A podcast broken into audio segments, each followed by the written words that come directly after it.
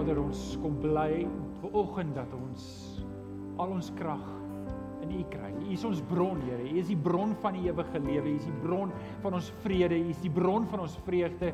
Here, U is die een wat ons kom vrymaak het. En dis hoekom ons ver oggend ons hande in die lug kan gooi en net kan bely en kan erken en dankie sê. Daar's 'n loflied in ons hart, Here. En ons dankie. Dankie dat U die inisiatief uitgeneem het. Dankie dat die kruis van Jesus was vir elkeen van ons. En Here, wanneer ons U aangryp en ons gryp die Here Jesus aan en ons kom gee oor aan U, dan gee U ons 'n nuwe lewe, 'n lewe wat die moeite werd is. Dankie dat ons ver oggend hier kan wees. Kom seën vir ons hierdie woord. Kom raak ons aan deur die Heilige Gees. Kom wys vir ons U pad. Ons bid dit in Jesus naam. En die kinders van die Here sê: Amen. Amen. Baie dankie. Baie dankie. As almal nou gesit het, dan kry jy net jou Bybel weer in die hand. En as jy jou Bybel in die hand het, dan kan jy weer opstaan. Is dit reg met jou? Nou as jy reg is, is dit reg met jou? Net eers by my wat se naam kom. Rian, is hy weg? Hy was daar gewees. Hy's nie meer daar nie. Rian, is hy weg? Wel julle ken dit. Staan saam met my. Hou jou Bybel lekker hoog in die lug en sê lekker hard saam. Dit is my Bybel. Ek is wat dit sê ek is. Ek het wat dit sê ek het. Ek kan doen wat dit sê ek kan doen. Met my mond bely ek met my hart glo ek dat Jesus die Here is. Amen. Amen. Baie dankie. Jy kan jou sitplek inneem. Jy kan jou sitplek inneem. En uh, as jy ver oggend laat ingekom het, wil ek sommer net vir jou spesifiek sê baie dankie en baie welkom. Dit is lekker om jou hier te hê. En ehm um, vriende, is vir my lekker. Elke week voel dit vir my of ons meer mense is. Voel jy dit nie ook so nie? Uh, Chris en Chris en Andrew kom na na die tyd toe ons begin sing sê het my hoor ons moet nog stoele kry. So Ehm um, ons sal kyk, ons sal in die week nuwe stoele kry. Maar ek sien daar's nog 'n oop paar stoele, so in geval. Jy kan jou Bybel oopmaak by Psalm 1 en Joshua 1. Psalm 1 en Joshua 1. En ons gaan 'n paar verse daar saam saam lees uit beide van dit uit. Wie van julle het al Bybel gelees en jy lees 'n gedeelte en terwyl jy lees Maak jou Bybel toe en kom jy agter jy kan niks onthou van wat jy gelees het. Wie wie van julle het dit oorgekom? Sê vir my. Dis omdat jy ongeestelik is. So dit kom ons almal oor. Almal van ons kom agter jy lees die Bybel en wanneer jy lees dan baie keer gebeur daar goed en jou kop raak besig en jy dink aan allerlei goeters. En vanoggend wil ek vir jou 5 maniere gee wat vir jou gaan help om dit te verhoed. Ek gaan volgens vir jou 5 maniere gee wat vir jou gaan help om die woord van die Here jou eie te maak terwyl jy dit lees en ek wil vir jou help om 'n paar goed in plek te sit in jou stilte tyd sodat jy dit kan regkry dat die woord nie as te ware onthou het julle hoe, hoe het ons ouers gesê as kind dis by die een oor in en by die ander oor uit. En um, ek weet nou nie of dit by die een oog en by die ander oog kan uitgaan nie, maar ek wil vanoggend vir jou help om die woord van die Here vas te maak in jou lewe. En daar's geweldige voordele wanneer jy die woord van die Here vasmaak in jou lewe en wanneer jy dit nie net laat verbygaan nie. En een van die groot voordele is dit verander jou hele lewe. Dit gee vir jou 'n goddelike wêreldperspektief en dit help vir jou om sekere aanpassings te maak. As jy net die Bybel lees en dit gaan uit, ek kan onthou, ek was in standaard 6, wat's dit? Graad 9 en my broer het het het aptekerswese geswat. En terwyl hy geswat het, het hy sy boeke huis toe gebring en dan het ek myself verbeel om maak ek sy boeke op aan lees ek. Ek het die woorde verstaan, maar die inhoud het ek nie verstaan nie. En en en ek wil vir jou help om daai brug te bou in jou lewe om die inhoud van die Here se woord in jou hart vas te maak. So, ons probleem is ons breine is te besig. Julle het al agtergekom? En dis een plek waar ons nie eintlik kan multitask nie. En dis ook die een plek waar jy nie behoort te multitask nie. En dit is in jou stilte tyd wanneer jy jou aandag moet fokus op die Here. Maar hoekom gebeur dit? Hoekom gebeur dit? Daar's 'n paar redes hiervoor. En die eerste groot rede is baie keer het ons net eenvoudig te min slaap.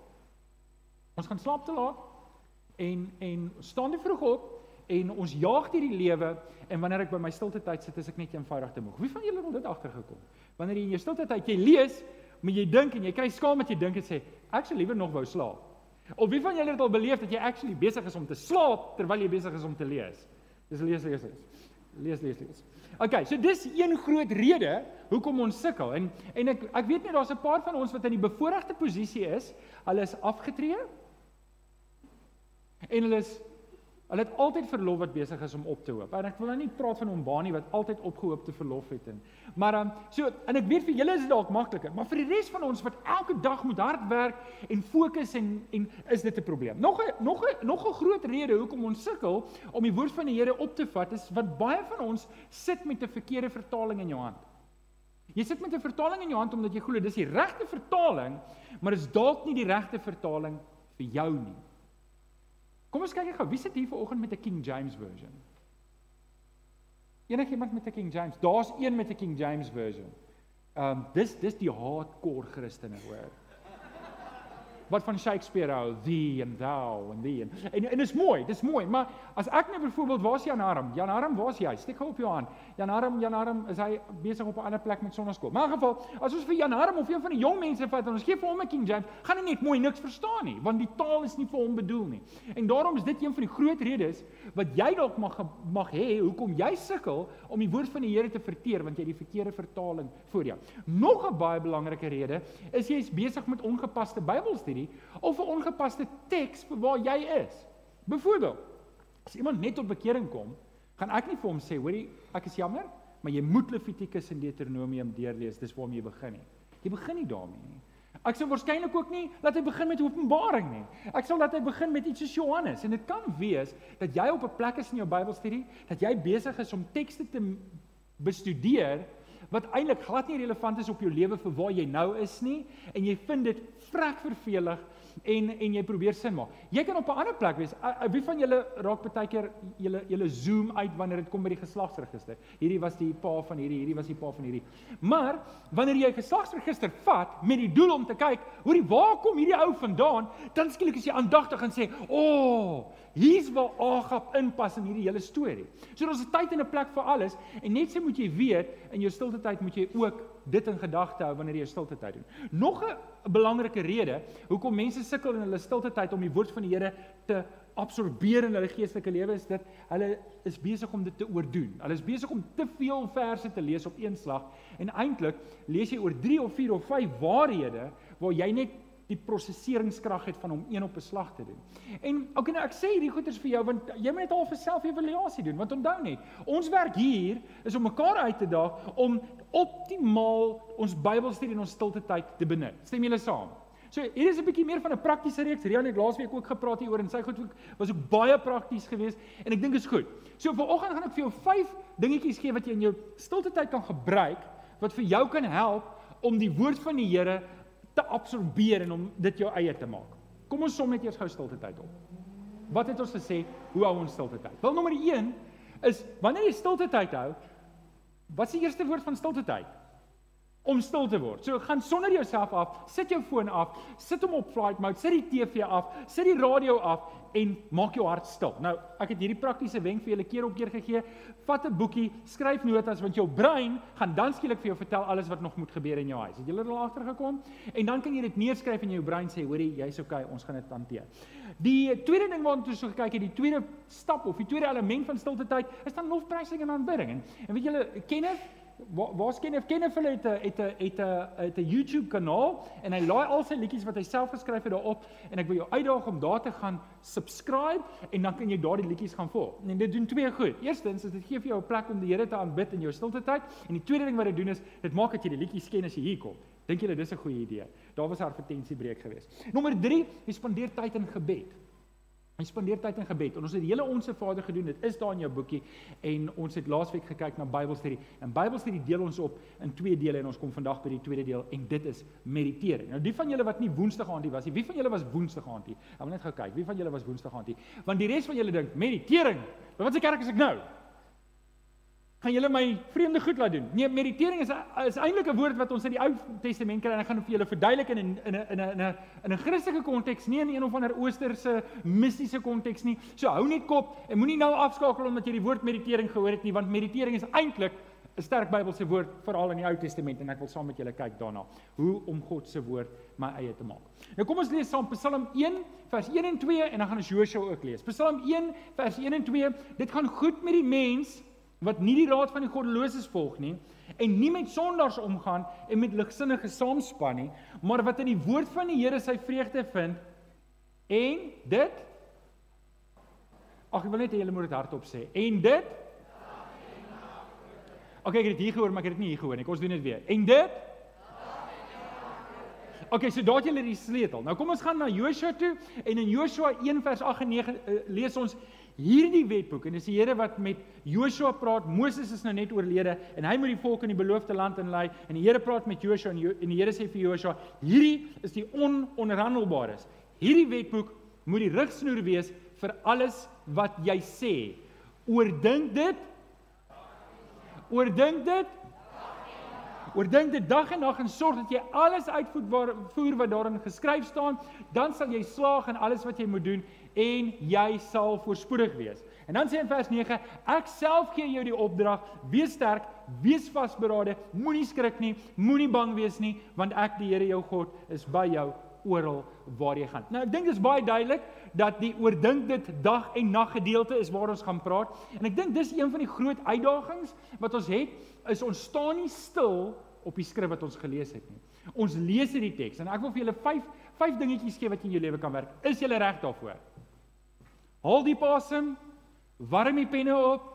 Die van julle wat nie gaan skryf nie, memoriseer. OK, is jy reg hiervoor? Memoriseer. Nou moet jy rekord druk. Nommer 1 Oordink dit. Ons het dit nou vir mekaar gesê.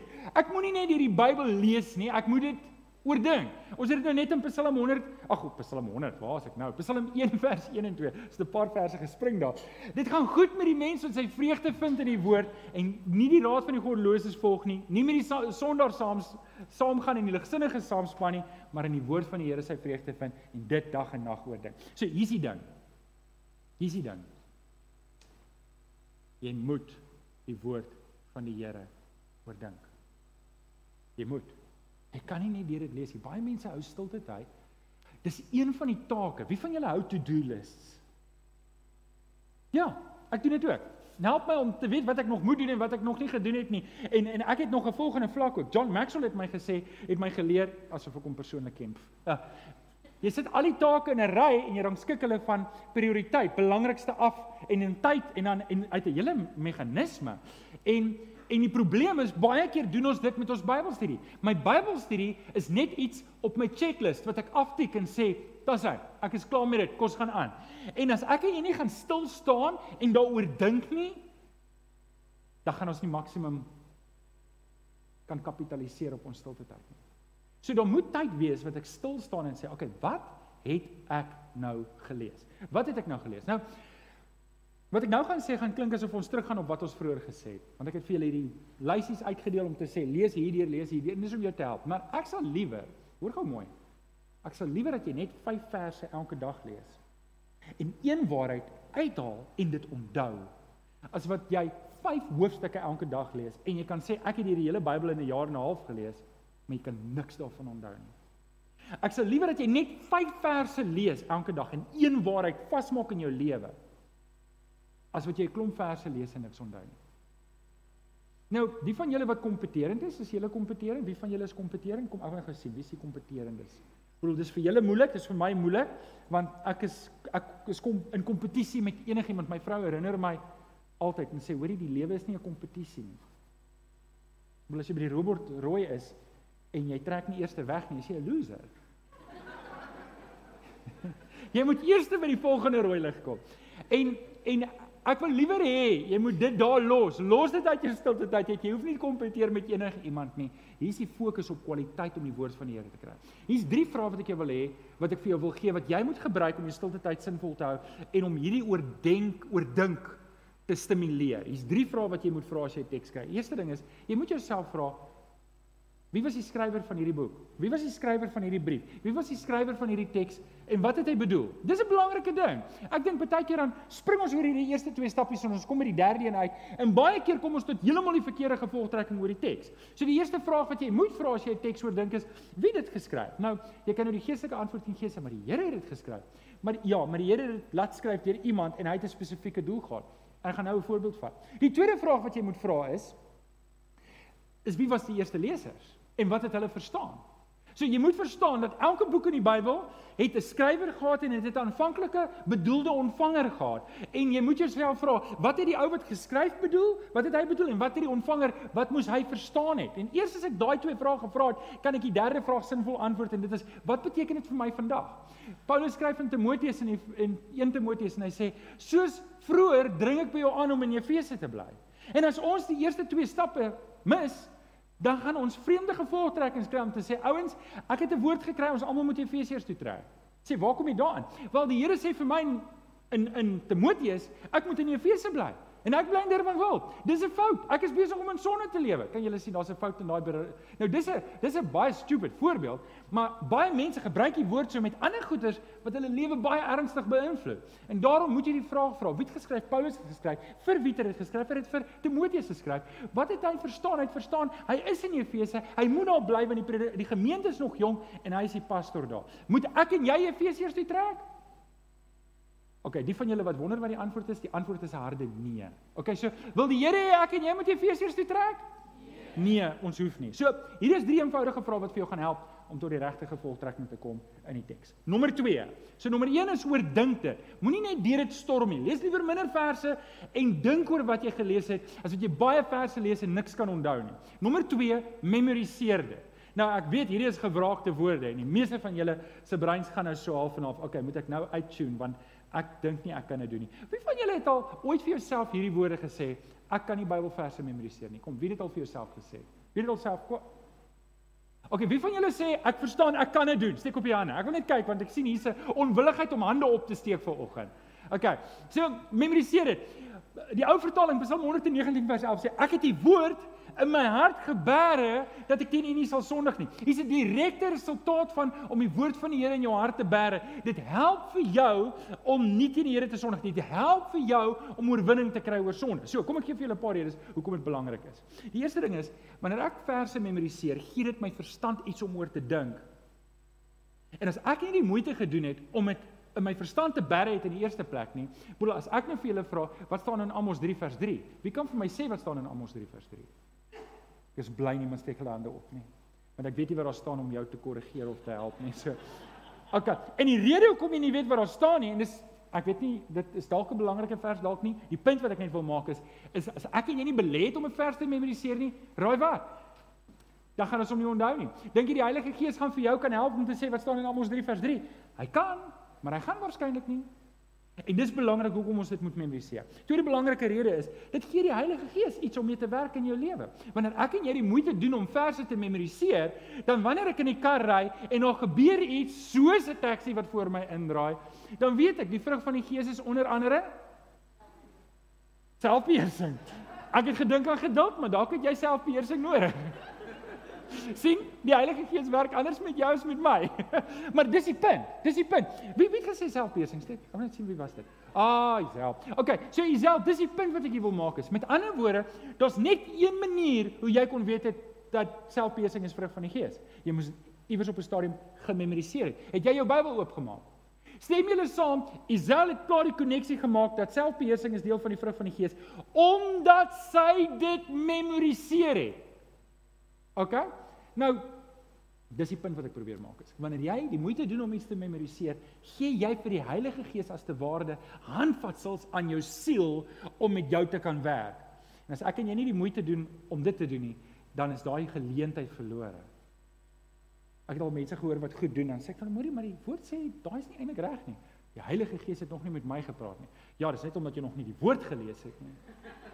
OK, rede nommer 3 is dit werk gif uit my lewe uit. Dit dit help my om verkeerde verstaan oor goeters uit my lewe uit te werk en meer dis so skoon water wat in 'n vuil glas ingaan en die vuil goed uitspoel. Dis wat die woord met my lewe wil doen. Nou, ek wil jou waarborg, hoor gou mooi. Ek wil jou waarborg, dit maak nie saak wie jy is vanoggend hier nie. Dis makliker as wat jy dink. Die feit dat daar nie 'n oorweldigende amen is nie, Laat vir my voel hierdie is 'n moeiliker boodskap as wat ek gedink het. Nou, tannie Christel het nou ongelukkig daarin getrap want sy het vir my kom sê iewers in die week, "Ja, maar dis moeilik om dit te doen en alles." Sy dink nie sy kan verse memoriseer nie. En ek sê toe vir, "Oké, tannie Christel. Watse verse kan jy onthou?" En weet julle in 'n kwessie van 2 minute haal sy 6 of 7 verse uit haar kop uit aan, net so. Net so. En ek dink ek en sy was albei verstom dat sy soveel verse uit haar kop uit ken. maar broer, dit was dit was fenomenaal. Toe het ons 'n oefening gedoen Woensdag aand hier, onthou julle dit? En gesê, skryf drie verse neer wat jy kan onthou. En almal het verse neergeskryf. So hier's die ding, dis nie iets wat jy moet gaan doen nie. Dis iets wat jy reeds doen. Jy moet net daarop fokus. En hoe meer jy dit doen, hoe meer gaan jy dit doen. Nou luister, Party ouens is grand. Hulle kan sê 1 Korintiërs 11 vers 1 sê, "Volg my voorbeeld soos ek Jesus se voorbeeld volg." Maar weet jy wat? Die feit dat ek die vers kan aanhaal, is nou mooi en is wonderlik en is baie beïndruk indrukwekkend vir julle. Maar hoe het Jesus die woord aangehaal? Daar staan geskrywe. Ek het 'n vriend gehad en dit was baie oulik. Hy kon nie onthou waar die verse staan nie. En as hy die vers aanhaal en hy weet nie waar dit staan nie, hy sê net vir jou: "Hoorie, gaan lees die Bybel, is 'n goeie boek." En vanoggend wil ek vir jou sê, man, lees jou Bybel, dis 'n goeie boek. Weet jy, ek sal liewer dat jy al die verse aanhaal, vry vertaal as wat jy niks probeer memoriseer nie. So onthou wat jy kan en dit kom deur dat jy die eerste stap uitvind. Is wanneer jy die vers gelees het en die Here gee vir daai een waarheid, dan fokus ek daarop en ek kyk daarna. So, kan ek vir jou groot geheim vertel? As jy reg vir 'n groot geheim. Maar hier is 'n groot ding en dit gaan jou dalk uitvang vanoggend. As jy 'n vers gaan memoriseer, Moenie die verse probeer memoriseer wat ek memoriseer het nie. Memoriseer die verse wat met jou praat. As jy in stilte tyd voel dat die Here is besig om met jou te praat oor geduld of oor selfbeheersing, Isel, en jy kry daai vers, dan vat jy hom en jy dink oor daai vers. Onthou, ek is op 'n ander plek in my verhouding met die Here as wat jy is. Wie van julle het kinders in die huis? Behandel jy al jou kinders dieselfde? Nee, ek behandel nie my 17-jarige dieselfde as my 20-jarige nie. Ek is besig om ou te raak, dis skrikwekkend. Ek doen nie, want hulle is op verskillende plekke in hulle lewe. Net so werk die Here anders met ons. En daarom moet jy weet waar jy is met die Here en jy moet van daar af groei, nie van waar af ek is nie. OK, so daai is belangrik. Nou, ek gaan 'n video maak saam met Rian, hy weet dit net nog nie. En ek gaan 'n videoetjie maak vir jou vyf stappe gee hoe jy verse maklik kan memoriseer. En dit is baie makliker as wat jy dink. Maar hier gaan ons stop want ek het nie genoeg tyd om hieroor verder te praat nie. Kyk uit vir die video. Nommer 3. Hoe maak ek God se woord my eie? Wel, ek bid dit. En dit klink vreemd, maar ek wil vir jou vra om die woord van die Here te bid. Jy bid dit as te ware terug vir hom. As jy vers lees Filippense 4 vers 4, wees altyd bly in die Here. Here, ek wil bly wees in U want ek het soveel redes om bly te wees. sien jy hoe maklik is dit? Psalm 119 vers 49 sê: "Onthou tog U woord aan my." Die woord waarop u my laat hoop het. Sê vir my, is hierdie 'n stelling of is dit 'n gebed? Wat is dit? Let op die woord. Wag, wag, ek het 'n liggie. Let op die woord u en u. Sou julle sê dit lyk baie soos 'n gebed daai? Dis wat hy doen. Hy's besig om te bid. Waar is hy besig om te bid? Onthou tog u woord aan my. Waar is hy besig om te praat? Hy is besig om die Here se woord terug vir die Here te sê. Nou dis 'n vreemde gedagte. As jy nou mooi dink daaroor, ons is nie eintlik geleer om dit te doen nie, maar as jy reg deur die Bybel gaan en jy gaan spesifiek deur Psalms, keer op keer op keer haal die psalmis die woord van die Here aan en bid dit terug tot die Here. Jy gaan baie hê om oor te bid as jy dit begin doen. Ek gaan vir julle 'n paar verse gee, maar eers wil ek stil staan op Psalm 119. Waarvoor is Psalm 119 die bekendste? Dis bekend as die langste Psalm, maar weet julle Psalm 119 het 22 kom ons sê gedeeltetjies. En die rede hoekom dit 22 gedeeltes het, want elke gedeelte is een van die Hebreëse um alfabetletters en daar's net 22 letters in die alfabet. Dit het ek al reeds vir julle gesê. Die rede daarvoor is want die vokale skryf hulle onder. As jy mooi sien as kolletjies en streepies onder, dis hulle vokale. 'n A en 'n E word so uitgebeeld. Nou, as jy na Psalm 119 kyk in jou ou vertaling sal jy sien hulle het 'n alfabet, 'n gimmel, 'n dalet, 'n he en 'n waf en 'n zajin en 'n get en 'n tet. Elkeen is so opgedeel. En die rede daarvoor is nie sommer omdat hulle wou snaaks wees nie, is omdat die Psalm elke keer begin Die eerste 8 verse begin elke keer met alef alef alef alef alef alef alef. Dan is dit bet, dan is dit bet bet bet bet bet. En so gaan hy aan die hele alfabet en eintlik is hierdie 'n meesterstuk.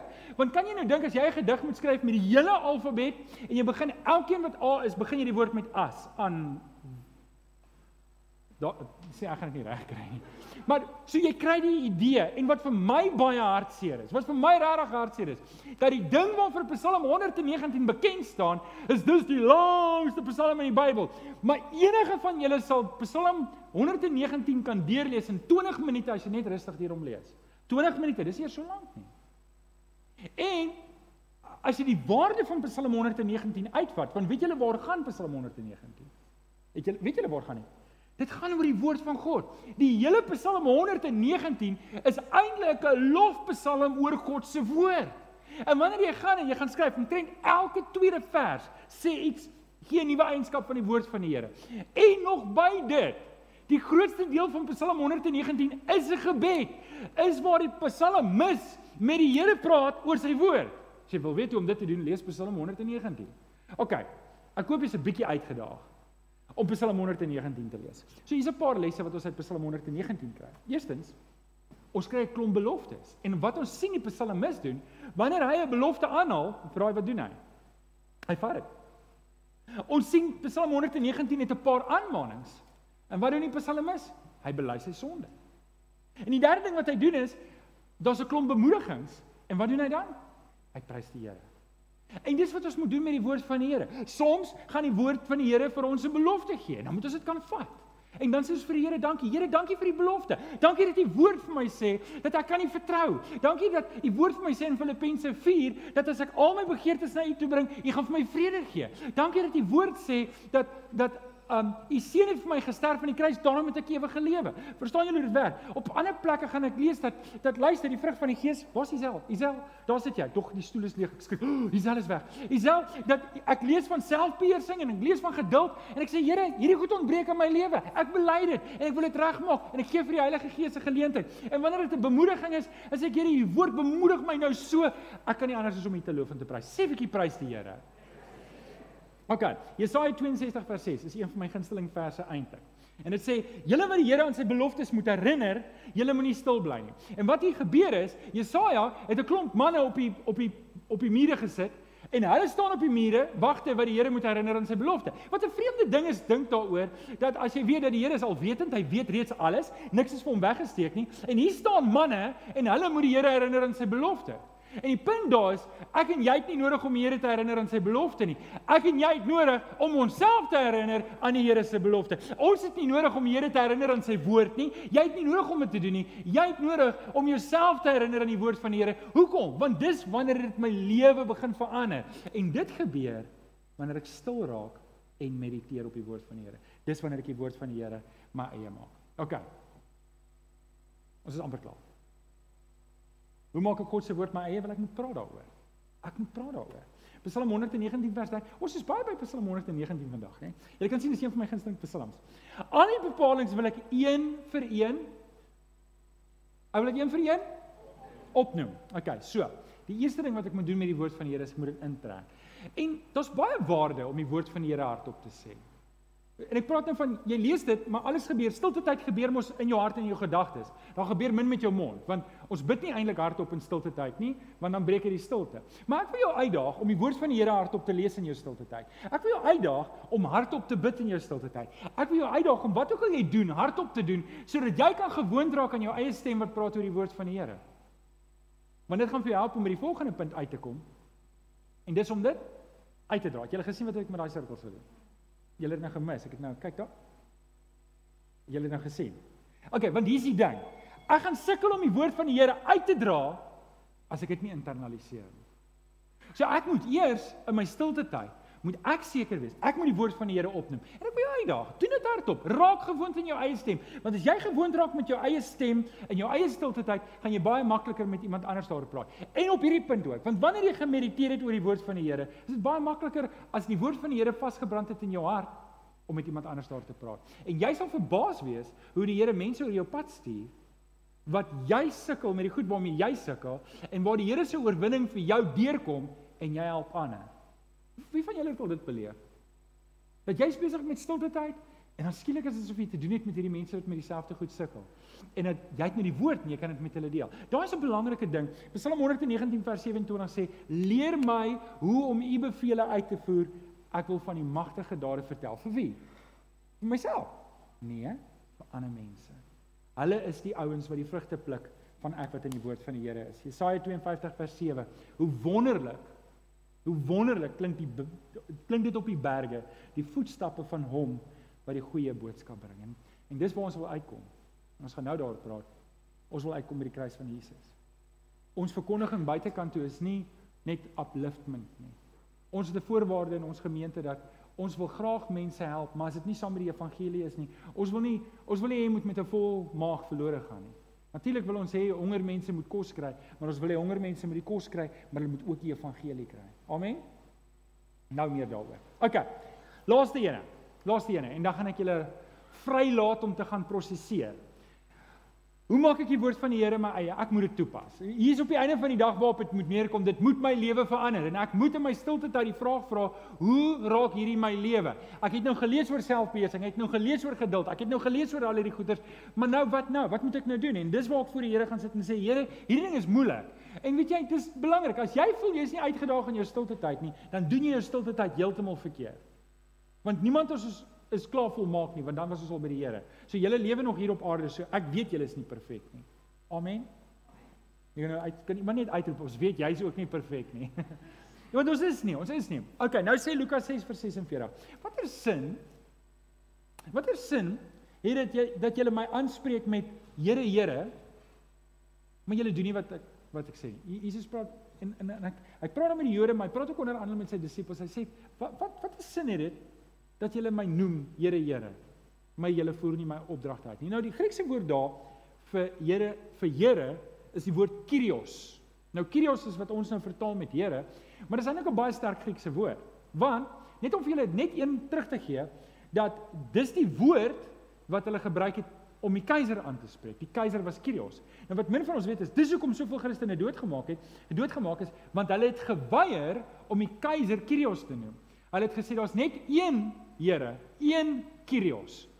En die keiser is nie Kyrios nie. En hulle was vervolg daaroor want die keiser het gedog, hoor, hier's 'n klomp rebellie wat hier opkom. Ons maak die Christene liewer dood om van hulle 'n voorbeeld te maak, want hulle moet bely die keiser is Kyrios. Nou wat beteken die woord Kyrios? Kyrios beteken om 'n baas te wees. Met ander woorde, as ek vir die Here sê Kyrios, dan sê ek eintlik drie goed. Ek sê vir hom hy's my Here, hy's my baas en hy's my eienaar. Nou wie van julle noem die Here Here? Wanneer gesien? Noem jy hom Here? Is die Here jou baas? Is hy jou eienaar? Nou kom ek gee vir julle 'n vers wat vir jou kan help daarmee. In Efesiërs 1:13 lees ons: "Julle is as die eiendom van God bestem." Aan wie behoort ek en jy? Ek en jy behoort aan die Here. Nou as die Here my eienaar is, het ek diskresie op wat ek kan doen en nie kan doen nie.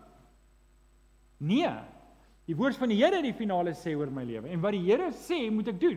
En dis terug te kom na Lukas waar die Here sê, "Wat help dit julle noem my Here? Wat help dit julle bely in julle gebed en julle lofprysing dat ek is jou God, ek is jou eienaar, maar dan gaan doen jy nie wat ek sê nie."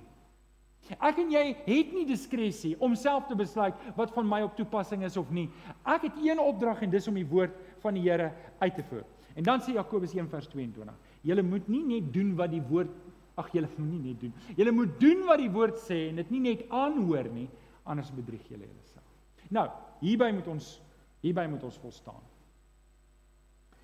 Die Here wil my en jou maak om meer en meer te lyk soos Jesus. Dis wat die Vader se hart is vir my en jou. Hy wil my en jou, soos Romeine 8 vers 29 sê, hy wil hê ek en jy moet gelykvormig word aan die Here Jesus. En die pad daarna toe is om my lewe te onderwerp aan die woord en om dit toe te pas in my lewe.